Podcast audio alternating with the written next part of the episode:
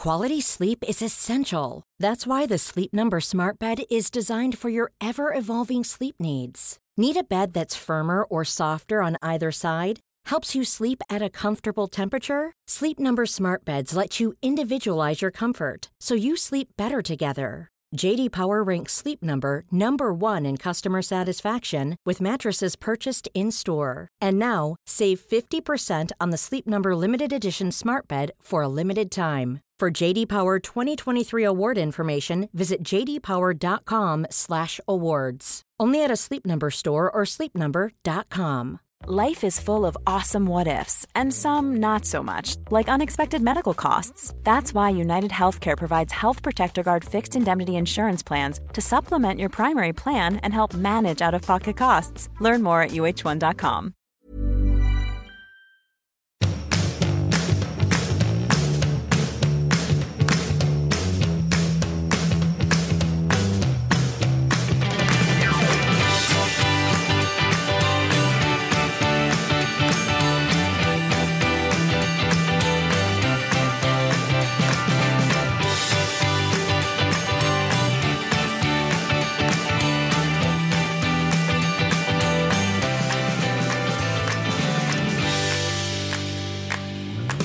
och välkomna till en lillelördag som hittills har präglats av en gardinstång. eh, vi som också ska börja med crime i lillelördag för att utveckla oss lite, lite som man gör i en relation, man utmanar varandra. Vi har ju märkt att vi själva pratar vi liksom går väldigt mycket in i de här eh, liksom, kvinnobrott. Alltså både liksom där kvinnor är förövare men också utsatta. Alltså vi har ju pratat väldigt mycket den här hösten både liksom Johanna Möller och om eh, Madsen och eh, ja, ubåtsscenariot. Vad som har hänt där egentligen. Och det handlar väl också om det när man tittar rent historiskt ur ett kvinnoperspektiv så har ju kvinnor begått andra sorters brott och mycket färre brott. Men de brotten de har begått jävligt intressanta. Väldigt spännande men också intressant att se. eh, vi kommer ju prata ur ett lille lördag, lördagperspektiv men vi kommer alltså varannan vecka ha en crime-vinkel på podden. Vilket är kul. Vi har känt att det nu håller på i tre år. Nu är det dags att utvecklas lite va? Men tillbaka till din the crime scene som är alltså på Gärdet. Du är inne i ditt sovrum, det är morgon, det är lite stressigt. Är du har haft en tuff stressigt. helg, mycket fest, du är lite fumlig.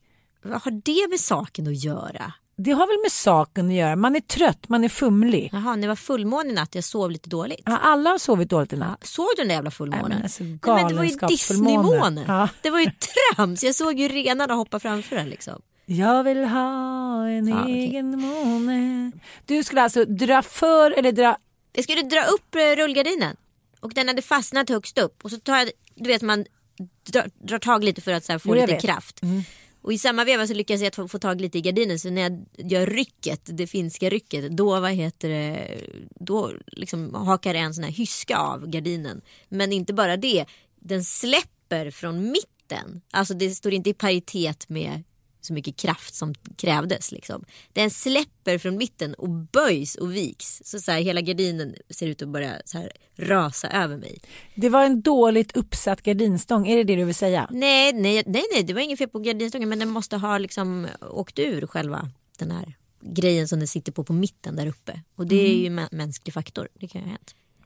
Alltså det här hade inte varit i närheten så stort. Jag tycker att det var jobbigt bara som det var. Det var ju absolut mitt fel. Ja. Men det var ju liksom en annan mänsklig faktor att den satt väl inte superbra i mitten helt enkelt.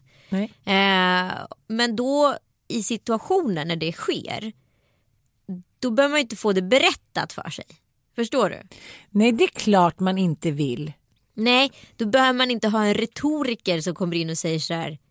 Men fan vad klantig du är, du, du har ju sabbat hela gardinstången. Just nu, ja det vet jag.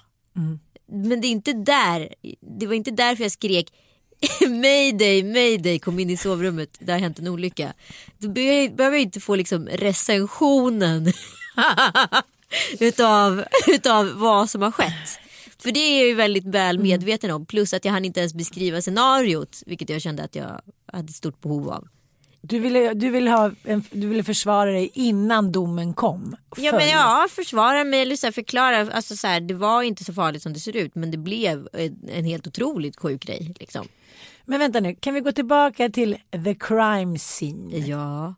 Du har alltså i någon form av Titanic-anda känt hur skeppet sjunker och på allvar skrikit mayday, mayday. Nej, jag skrek inte mayday. Det hjälp, det har hänt en olycka. Hjälp, det har hänt en olycka.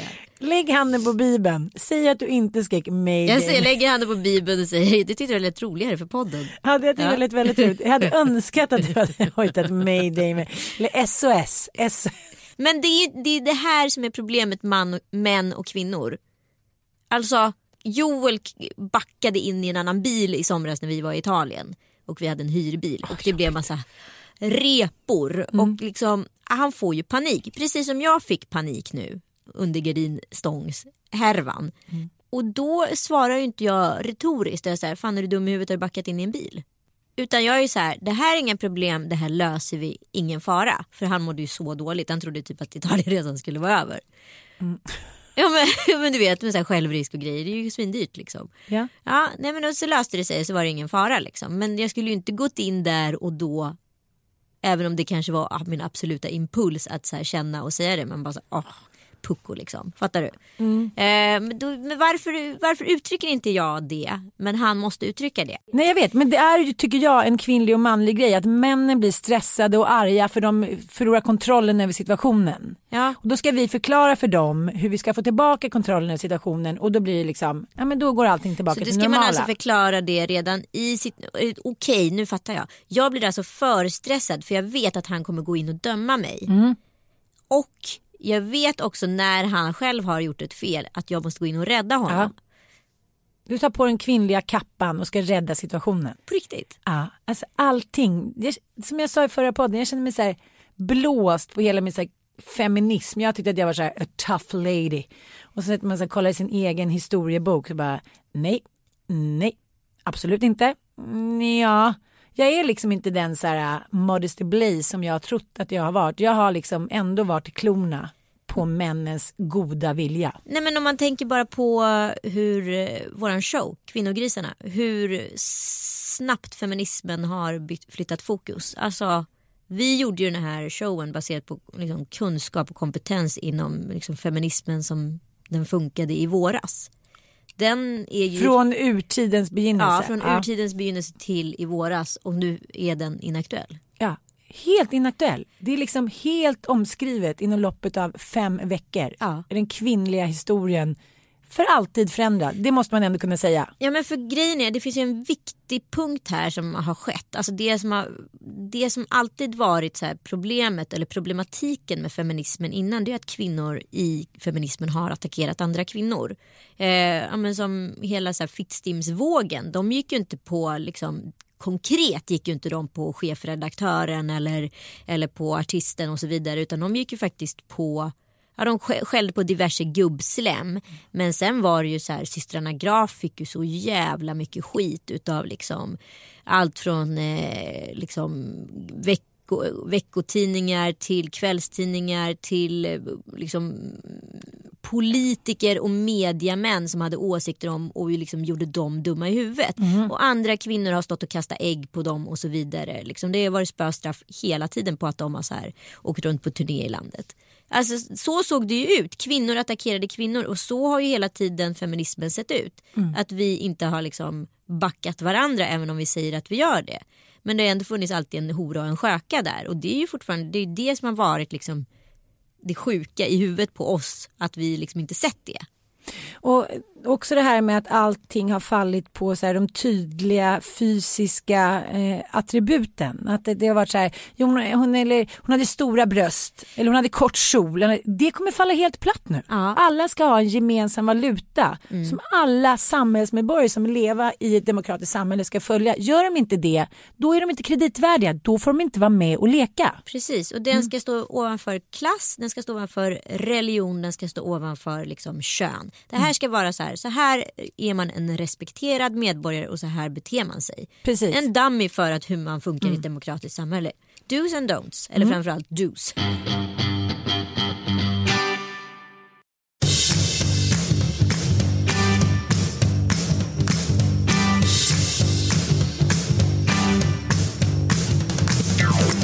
Vi var ju på julfest i torsdags. Jajamän. Mm, det var ju trevligt. Ja, det blev lite lite fest där. Men då kom ju Joel med ut. Ja, det var väl Det härligt. var roligt. Ja, han har varit med på två firmafester nu helt oväntat. Ja. Jag, jag har ju haft en tre dagar så här. Ja.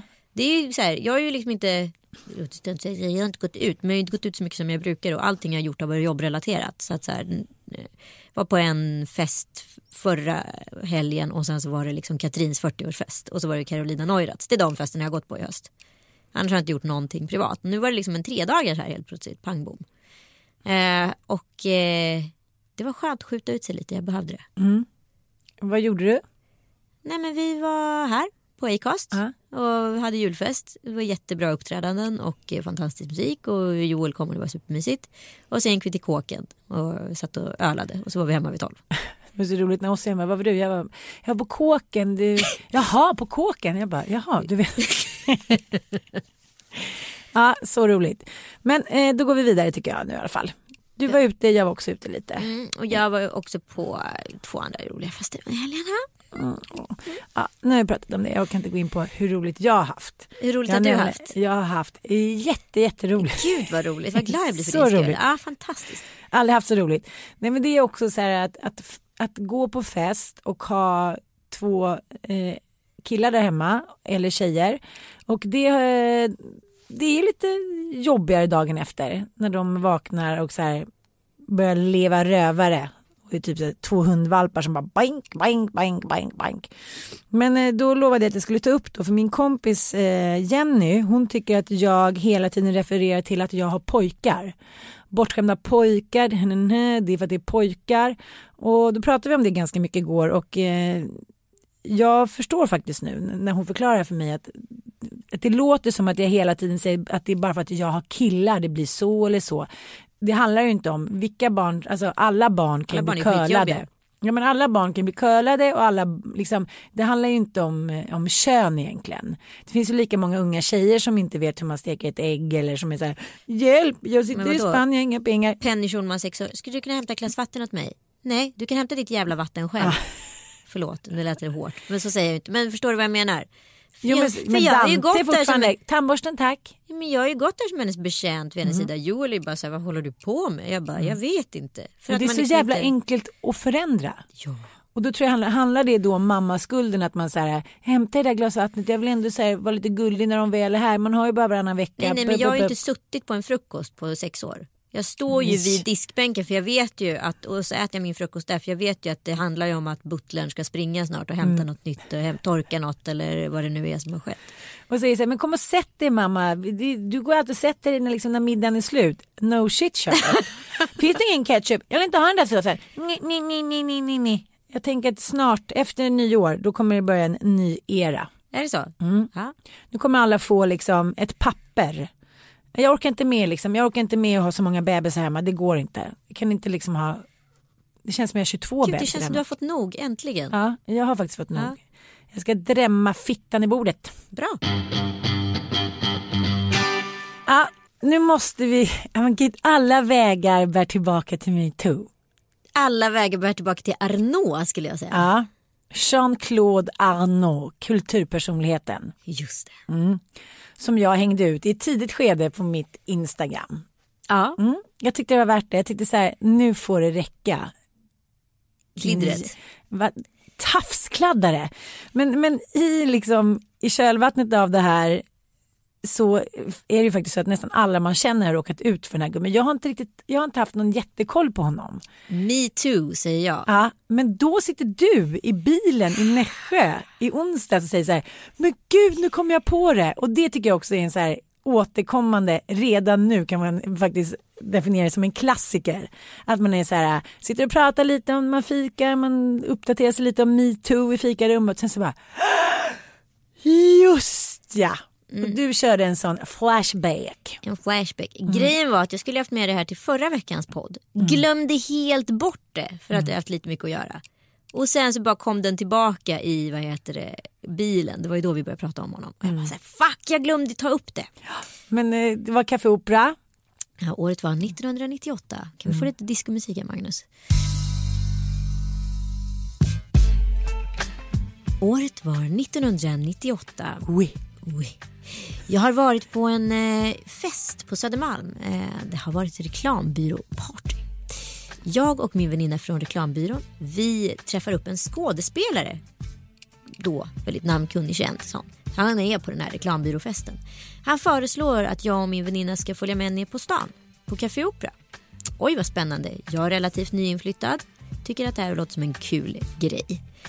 Vi följer med den väldigt mycket äldre skådespelande herren ner till eh, Café Opera. Där träffar vi upp eh, författarinnan Karina Rydberg som har släppt om Den högsta kasten.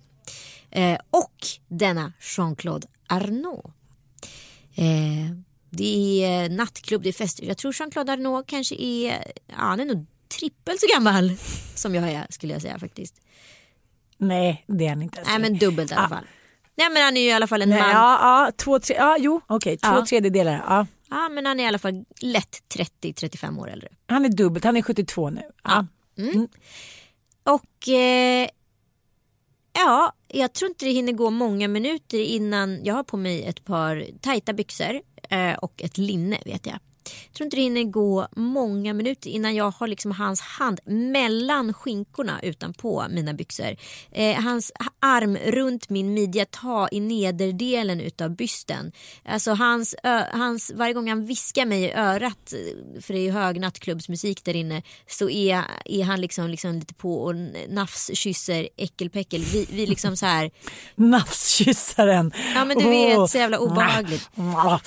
Och så till sist så, blir det så panikartat. Jag försöker liksom röra mig från honom hela tiden och det tar en sekund så är han precis bakom ryggen. Jag är ju där för att liksom kolla på någon annan härlig ung vacker kille, inte liksom en 35 år äldre slemboll. Nafskyssaren. Ja, nej men alltså, du vet det är så obehagligt så till sist så jag, jag och min väninna vi, vi verkligen rusar därifrån. Jag har hört så många liknande berättelser. Senast när jag var på middag igår, en kompis som var så här, ja, men den var lite i samma miljö och det slafsades och tafsades. Och det grövsta och han liksom som en igel bara hakar på, bara sätter sig på någons axel och bara så suger i sig blod.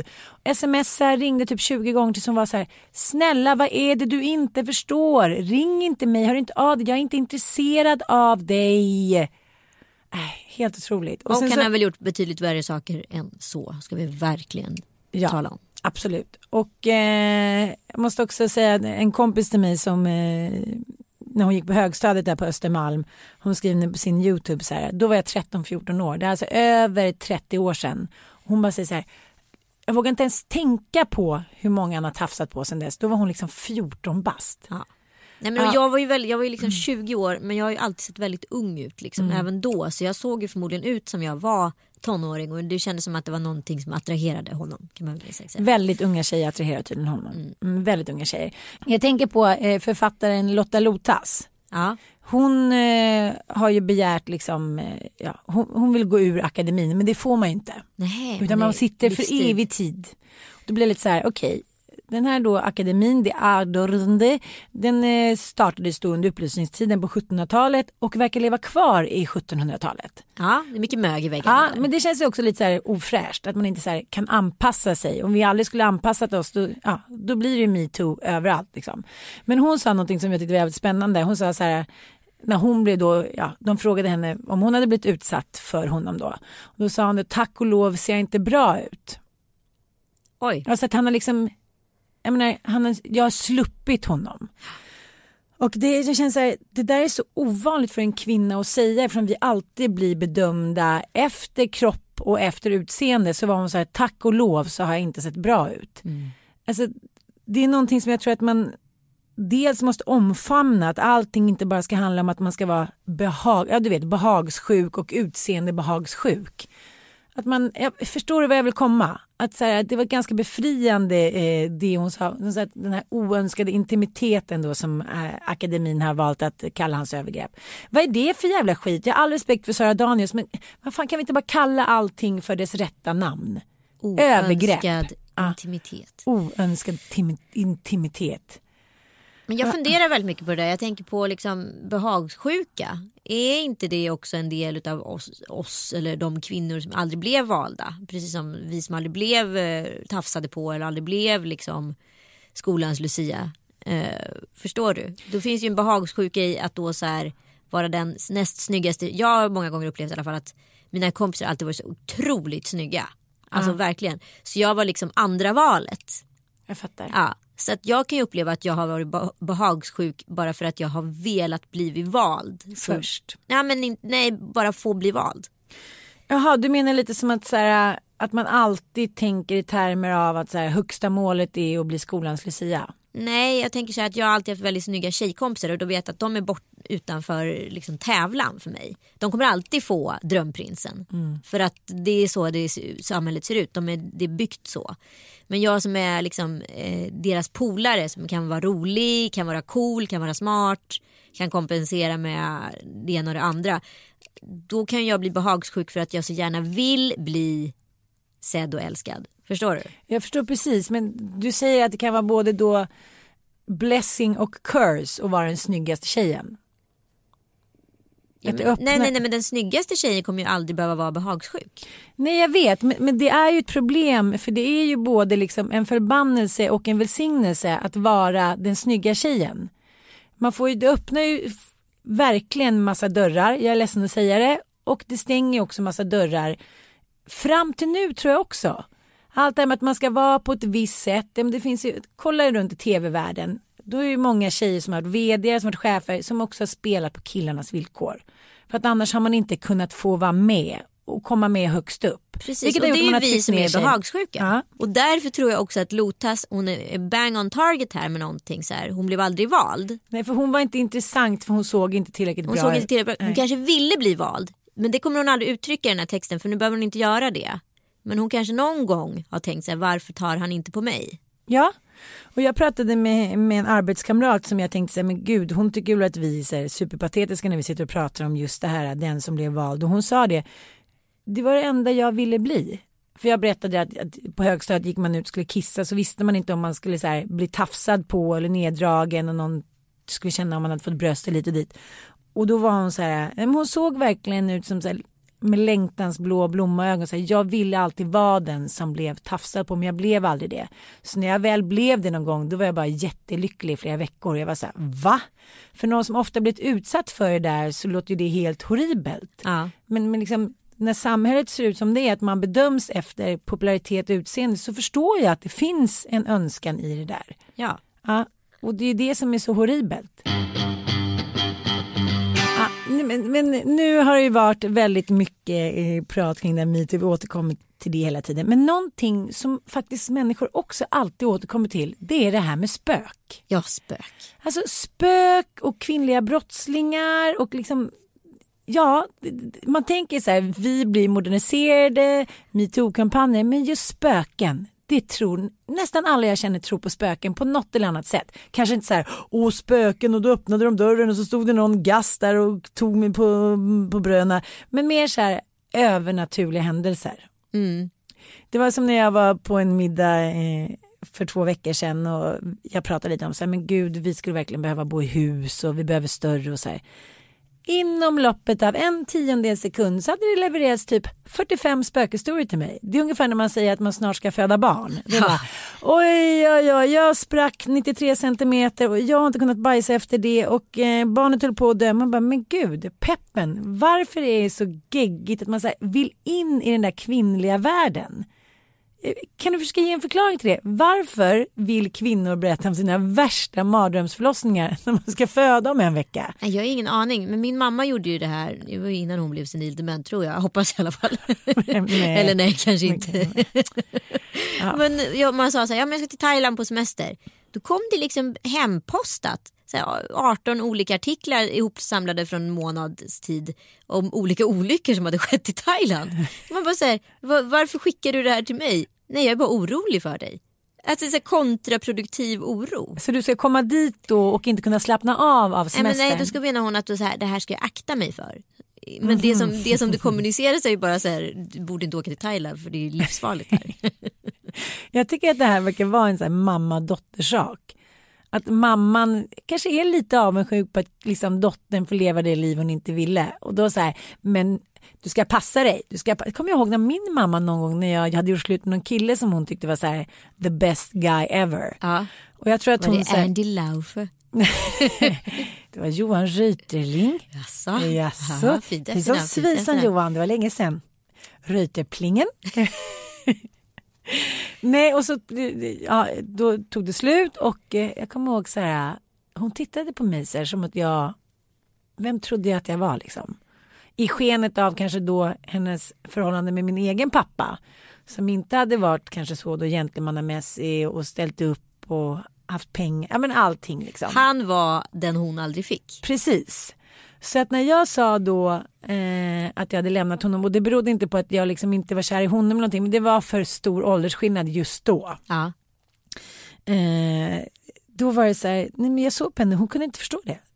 Liksom, hur kunde jag lämna den här fantastiska mannen? Och det är lite också när man tittar på nu, eh, den här Vår tid är nu. Så här, det glada 40-talet, när man gifte sig, att det var ett bra parti. Det var ett bra parti. Ja, ett bra party. Eh, och det är den enda gången som liksom, hon har gått emot någonting som jag har velat om man säger så. Ja. Hon försökte verkligen liksom få mig att bli ihop med honom igen. Men det blir också kontraproduktivt för då kan du, känner du bara så här, min mamma vill att vi ska vara ihop. Det är ju inte så fräscht. Mm. Men sen när min mamma gick bort. Då ville du ha honom till Då blev jag ihop med honom igen. Du blev det? Mm. Nej. Hur länge höll det? Något år till. Ja. Ja. Fan spännande. Ja, ja, så var det ju med Thailand att då åkte jag dit. Nej men det vill jag återkomma nu till det här med spöken. Jaha, ska vi mm. bara riva av det här jävla plåstret eller? Ja, du har ju också varit med i succéserien En natt på slottet. Ja, jag visste att du skulle komma dit så det är bara liksom att, ja. ja. Och så häcklad som jag blev av dig när jag själv var med i den serien förut med samma. Jag ser, vänta, var du själv, var du själv som häcklade dig själv och jag hjälpte till att stryka dig medhårs i det häcklet kan man väl säga. Jag ser en liten gosse i grå valmos.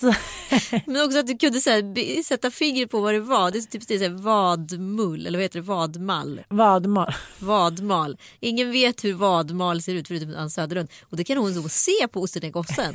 Ja. ja, jag såg honom Projiceringar säger jag. Men han var ändå glad. Ja men vilken tur. Ja, ja. Det, var, det, var, viktigt för mig att... Han är väldigt lik Bobo. Ja han var väldigt lik Bobo.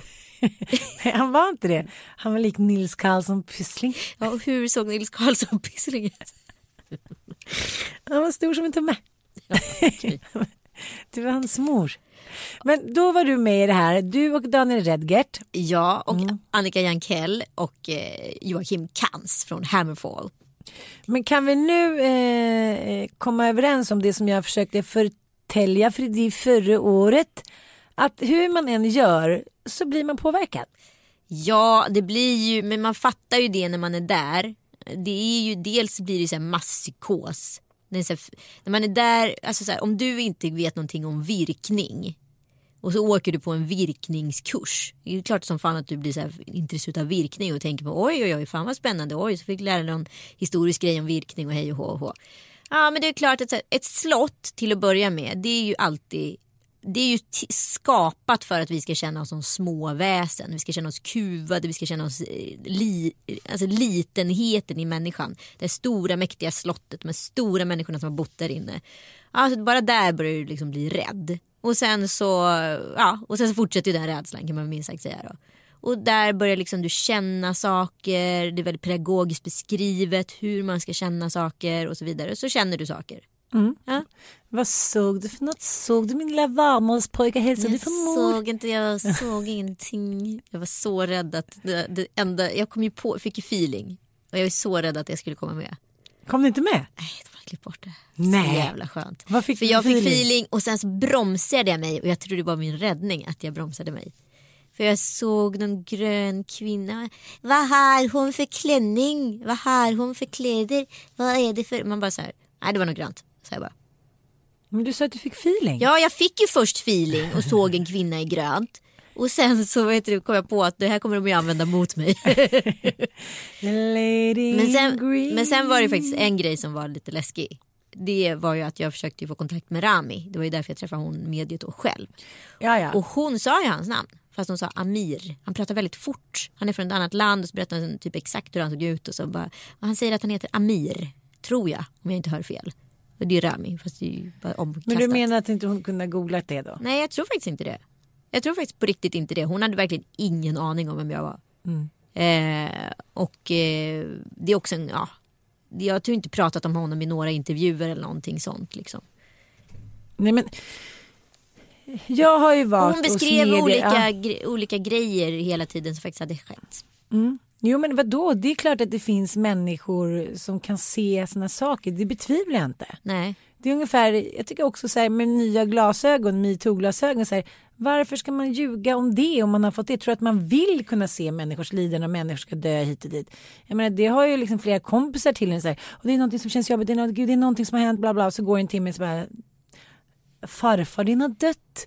Alltså det finns människor Ja, ja. som, det handlar ju om intuitet eller ja, vad det nu handlar om. Men jag förstår inte det där att när man berättar någonting till exempel då att man har ett sommar och så ah, är det spökade? Är det spökhuset? Man bara, nej det hoppas jag inte. Men däremot kan man ju komma in i ett hus och känna om det är varmt eller kallt. Om det är ett Gud, ja. vänligt hus. Det är ja. inget konstigt. Men och så är det ju på slott. De är ju oftast ganska obehagliga. De är ju ganska kalla. Det är väl klart att det finns mycket historia i ett slott precis som det gör i, i ett gammalt torp eller vad som helst. Liksom. Men, men sen är ju, tror jag liksom vår, vår egen påverkan av det här är ju så mycket större. För att så här, varför skulle det ha skett mer bizarra saker på ett slott än vad det har skett på ett torp rimligen? Det har väl varit mycket mer ond bråd död på ett torp. Ja, ja det är klart. Det är klart. Det har ju varit ond bråd död nästan överallt. Ja, där människor levt och farit och furit, mm. jag säga. Där har det funnits ond bråd död. Men jag fick ju en sån där historia till, tilldelad mig då eh, i Karlstad när jag var där. Att de har då tagit bilder och man har sett eh, någonting i spegeln och sådär. Ja. Men alla de här bilderna som någonsin har publicerats till exempel i Aftonbladet eller i Huffington Post eller något så har man ju alltid kunnat säga nästan alltid har man kunnat så här, se att det är fejk. ja. För några gånger har man ju inte det. Som till exempel? Det vet jag inte. Men, nej, men man tittar på nätet till exempel. Så här, Åh, häromdagen tittade jag på ett, ett litet program om örnar på Youtube. Oklart, vilda djur skulle jag kolla på, jag och Bobo. Och då var det en så här, eh, ja men någon bild där örn har tagit ett lamm och flygit iväg och det stämde, bla bla, de är så starka. Och så var det en, en liten film där då ör, en örn hade flugit ner och tagit en bebis. Och så ser man bilden att han liksom försöker, han, hen, örnen försöker få tag i den här bebisen och mamman står en bit bakom och så, så ser man den där bebisen att örnen får med sig den upp i typ en meter och sen ramlar eh, bebisen ner. Och det är så bra gjort så att jag, liksom, jag var helt på det klara med att det var så. Och sen var det så här, det här var ett projekt som en, liksom, tre stycken studenter hade gjort för att visa bla bla bla bla bla. Jaha. Ja, det var så snyggt gjort, jag måste visa det för dig sen. Det var så jag bara "Ih!" Den liksom fick tag i den där bebisen som sprattlade och sen så bara ner på marken och sen mamman fram. Det var så snyggt gjort. Så att jag, det här med att man kan bli slagen av ett spök och händer ut, där är jag kanske inte riktigt med. Var det inte du som hade vaknat upp med en massa blåmärken? Nej, någonstans? det var en kompis till mig som vaknat Det upp är alltid med, kompisar. med fem fingrar på insidan av låret i det stora spökhuset. Fem Före. fingrar så att den tagit liksom hela Så, handen. ja. Nej, Ja, oj. men jag har inte sett det själv. Men det har tillförlitliga källor. Okej. Ja. Ah. Djävulsutdrivaren. Ja, Mm. nej men om det är tvistar de lärde. Som sagt, jag tror så att det finns någonting och sen så tror jag liksom att men jag, är, jag är skeptiker för jag tycker att alla borde då ha chansen att gå igen. Alltså även djur. Det borde varenda liksom fågel. Som, En myra satt. nej men varför Ja, är det bara ja, ja, människor? Nej, det håller jag liksom? med om. Men du har ju ändå två gånger berättat den hårresande historien om den lilla bortglömde flicken på, på Karlsbergsvägen som ballongen flög iväg. Ja, men- jag har ju sett det. Jag har ju varit med om det. Jag vet, fast det kan ju också vara så att man blir så uppjagad av någonting. Man är i en situation i livet, som när min mamma nyligen hade gått bort. Ja. Då hejsan svejsan, då tyckte jag att det var både spöken och jag leviterade upp i rummet och flög ovanför sängen och det, lampor gick sönder och det kändes som att det var kalla kårar hitan och ditan. Men så kan man ju också så här, beskriva det i en period när jag knappt ens sov. Ja, okej. Ja, men jag tycker ändå så här. Det händer ju alltid. Jag vet inte. Den där grejen höll ju på så jävla länge. Den höll ju på i nästan tre år. Det var en liten grej per år. Och det här var liksom crescendot som var så här. Nej men nu räcker det liksom. Men du har inte berättat någon mer grej. Men det har jag väl visst det. Jag har bara hört ballongen. Ja, men det flyttades ju lampor, det vältes grejer. Alltså det var ju så här, det var någon jävla bok som kunde rak- hoppa ut ur bokhyllan typ. Och sen så var det någon lampa som släcktes och tändes. Ja, så var det någon lampa som välte och sen så runt jul var det alltid värst för då var det liksom blink, blink, blink, blink, blink överallt liksom och sen så ja, en liten Men ljus. hur skulle då en genomskinlig gast som bara då är energier från en annan tid kunna hålla på och mixtra med lampor? Men det faller på sin egen jävla rimlighet. Du var ju hemma hos mig när telefon, Mattias telefon vad heter bara låg på en bordsyta och sen låg bara pang, åkte ner på golvet. Vad var det då? Jo, men, Var det, en, var det liksom en vindpust från eh, Satan? vad, vad, vad var det? satan själv. Nej, det, den grejen var lite märklig, det håller jag med om. Ja, Mm. ibland händer sådana saker. Jag kommer också ihåg när eh, en kompis, inte Rami, en annan kompis gick bort. Då vet du, stod det en lampa på vårt nattduksbord. Det var inget konstigt med den. Och den står liksom på en plan yta och den bara pang! Rakt ner i golvet. Alltså, Ja. Det händer ju knasiga grejer när människor dör. Ja, Så kan man ju ja, säga. Mm, mm. Ja, en, det finns ändå ingen, en liksom, det finns ingen bra förklaring till det där. Nej, och det går inte att säga att det inte har hänt eller har hänt. Men sen tror jag absolut att ett scenario som så här stjärnorna på slottet kan liksom skapa Mm. eller förstärka vissa känslor. Ja men det vet du själv när man har så här, varit på läger, gjort anden i flaskan. Ja, men det är klart att du tror ju på det. Herregud. Ah, så vidriga minnen av anden i flaskan. Är Nisse kär Fast det där är intressant. Jag pratade faktiskt med en väldigt god vän som är präst om just eh, anden i, alltså Ouija board Ja. och liksom de grejerna. Eh, och han sa ju att man ska inte, man ska inte mixtra med det där. Nej. Man ska inte mixtra med andevärlden. Så är det bara. Men det där har man ju ändå hört, det var ju liksom en återkommande liksom, eh, rörelse ja, men tidigt 20-tal och tidigt 1900-tal. Att människor träffades under seanser och gjorde sånt här. Mm. Och många började tala i tungor och liknande. Och helt plötsligt kunde någon något annat språk. Och, så det finns ju något undermedvetet i oss. Vi har ju så mycket mer liksom inneboende kraft än vad vi någonsin liksom får ta del av. Och det tycker jag är skitspännande. Verkligen. Det är ungefär som barn som kan lära sig sex språk på en månad. Alltså vi har det i oss. Det är bara att vi hela tiden lever i en värld där vi så här, på något sätt ändå blir nedtryckta. Att vi, att vi inte kan saker. Utan, ja men du vet, ju äldre vi blir ju mindre kan vi. Och det, det finns ingen möjlighet att det kan bli så. Det kan man inte klara av och hit och dit. Ja, men det är ju kvantfysik. Alltså, Mm. Vi lever ju i liksom ett skikt. Men det finns väldigt många skikt. Eh, om vi bara ser en rätsida liksom, så är ju kanske livet kubiskt. Det vet ju inte vi. Nej. Liksom. Det finns ju många skikt. Men det är ju som när man är med, med föräldrar som är så här, vad barnet än gör så är det det vackraste de har gjort. Jag kan vara så till Bobban, så här, du kommer inte bli någon konstnär i alla fall. Man ska ta hem tio teckningar med ett streck på. Man så här, nej men jag tar inte ens, spelar ingen roll att du är mitt barn. fem du, ungar senare, eller fyra ungar senare. Nej men det är så här, du är inte min, liksom, du är ingen Picasso. Den här var ju fin, den kan vi sätta upp. Men det andra liksom, de försvinner ju på vägen. ja, ja.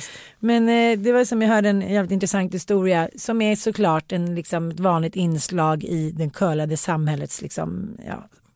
Eh, en ung tjej som eh, föräldrarna hade fått henne ganska sent. Hon var en liten sladdis och det var så jävla välkommet liksom. Så under hela hennes uppväxt så var ju hon ett mirakel. Vad hon än gjorde så var det ju mirakulöst fantastiskt. Sen började hon högstadiet och folk började ställa krav på henne. Du vet hon kunde inte ens gå till skolan. Hon vägrade gå till skolan. Ja, det var helt plötsligt ville någon. Ja, men plötsligt var det så här, hon började plugga. Det visade sig att hon var inte så himla bra på att sjunga. Hon var inte så himla bra på att rita. Hon var inte så himla bra. Hon var som average Joe. Det var liksom sån jävla mardröm för henne. Det där hände ju mig i yrkeslivet. Det tror jag liksom är en absolut direkt liksom, grej efter att man varit ensam barn. Ja, Att man liksom hela tiden får veta att man är någon form av geni. ja. Jag är jävligt noga med mina egna barn. Att inte liksom håsa dem. För att det tycker jag var liksom, det blev ju en depression för mig. Nej, men gud vad spännande, utveckla. Nej men jag trodde ju liksom att jag var störst, bäst och vackrast och liksom man läser vissa sociala koder som man kanske klarar av när man är ensam barn och mycket bättre än andra och sen så är det vissa saker som man är absolut tillkortakommen på.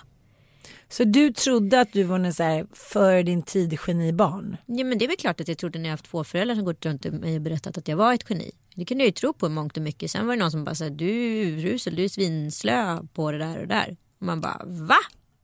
Vad menar ni? Jag är ju jättebra, jag är jätteälskvärd, alla tycker att jag är supercharmig. Vadå menar ni att ni tycker det? Mm. Chockartat. Chockartat. Hur gammal var du då ungefär? Var 24. Nej. Yes. Och hur, hur tog du tag i det då? Terapi. Började där och liksom så här var, var börjar man med sig själv? Alltså om jag ska förändra mig så måste man börja inifrån liksom. Mm. Och ta reda på allt. Så det var ju en sån här terapi som pågick i fem år. Gud, nu blir jag sugen på att gå terapi. Ja men så jävla skönt och bara gjorde det. Alltså jag gjorde det och jag tycker att liksom den terapeutiska resan var så nödvändig för mig. Jag fattar. Ja, ja men alltså jag, så här, jag tror att som ensambarn man, har man liksom, det som är positivt med att vara ensambarn eller få barn kanske man kan säga. Det är att man får väldigt mycket fokus. Man får mycket boost hemifrån, man får mycket självförtroende, man får liksom mycket jävla anamma. Men man får också veta, problemet är att man, så här, man har inga syskon så man, delar, man kan inte... Kan inte spegla sig mot någon. Nej man kan inte spegla sig mot någon. Sekundärt så är du jättedålig på konflikthantering. För att du har inte någon som bara nöter och nöter och nöter. Penny är ju så trött på sin lillebrorsa nu. Så hon har satt upp lappar på sitt rum där det står så här. Ingen Tom Allan och ingen av Tom Allans kompisar. Jag var en kompis till Tom Allan. Men hon gör bara, Inget som har med Tom Allan att Inget göra. som har med Tom Allan att göra ska in i hennes liv. För så trött är hon på honom. Och jag tänker bara, fan vad nyttigt det är för henne. Mm. Att ha honom som bara nöter och nöter och nöter och nöter på henne. För jag hade aldrig det. Tack för idag. Och, Tack för idag. eh, Nästa vecka blir det crime-podd. Ja, gud vad roligt. Superspännande. Vad ska du ta för Ja, men vi, case? har, vi tar ju ett case var. Mm, så du börjar med ditt case och så diskuterar vi det. Så att du kommer då presentera ett case för mig där vi går igenom liksom vad som har hänt. Och sen så pratar vi om det scenariot utifrån ett kvinnligt perspektiv. Jag tycker det är så jävla spännande för just nu så jobbar jag med ett historiskt kvinnoprogram och den här eh, episoden jag jobbar med nu är brott och straff. Gud, Så spännande. jag har precis suttit och läst liksom hela den svenska kvinnohistorien brott och straff. Det är jävligt spännande alltså. Kul. Vi har blivit hårt straffade. Oj, oj, oj. oj. Mm. Och inte bara utav eh, rättvisan utan också socialt. Precis. Och det är väl lite den vinkeln vi kommer Mm. ta. För du har väl inte begått hor? Eh, icke medvetet, icke Nej, medvetet. då ska jag sätta dig på vatten och bröd till 9 till 18 dagar. 18 dagar ansågs lika med som ett dödsstraff. Aha. Det är sant. Så du får bara 9 dagar. Okej, okay, schysst. Puss, Puss, puss. Hej, hej. Hej, hej.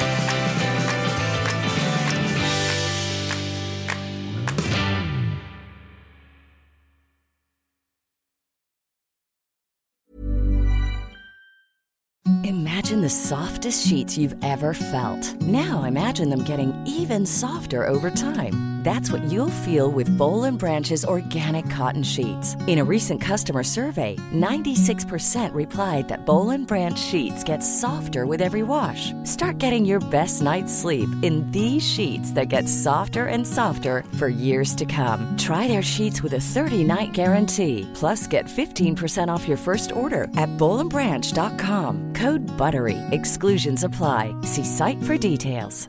Hey, it's Paige DeSorbo from Giggly Squad. High quality fashion without the price tag. Say hello to Quince. I'm snagging high-end essentials like cozy cashmere sweaters, sleek leather jackets, fine jewelry, and so much more. With Quince being 50 to 80% less than similar brands. And they partner with factories that prioritize safe, ethical, and responsible manufacturing. I love that. Luxury quality within reach. Go to quince.com slash style to get free shipping and 365 day returns on your next order. Quince.com slash style.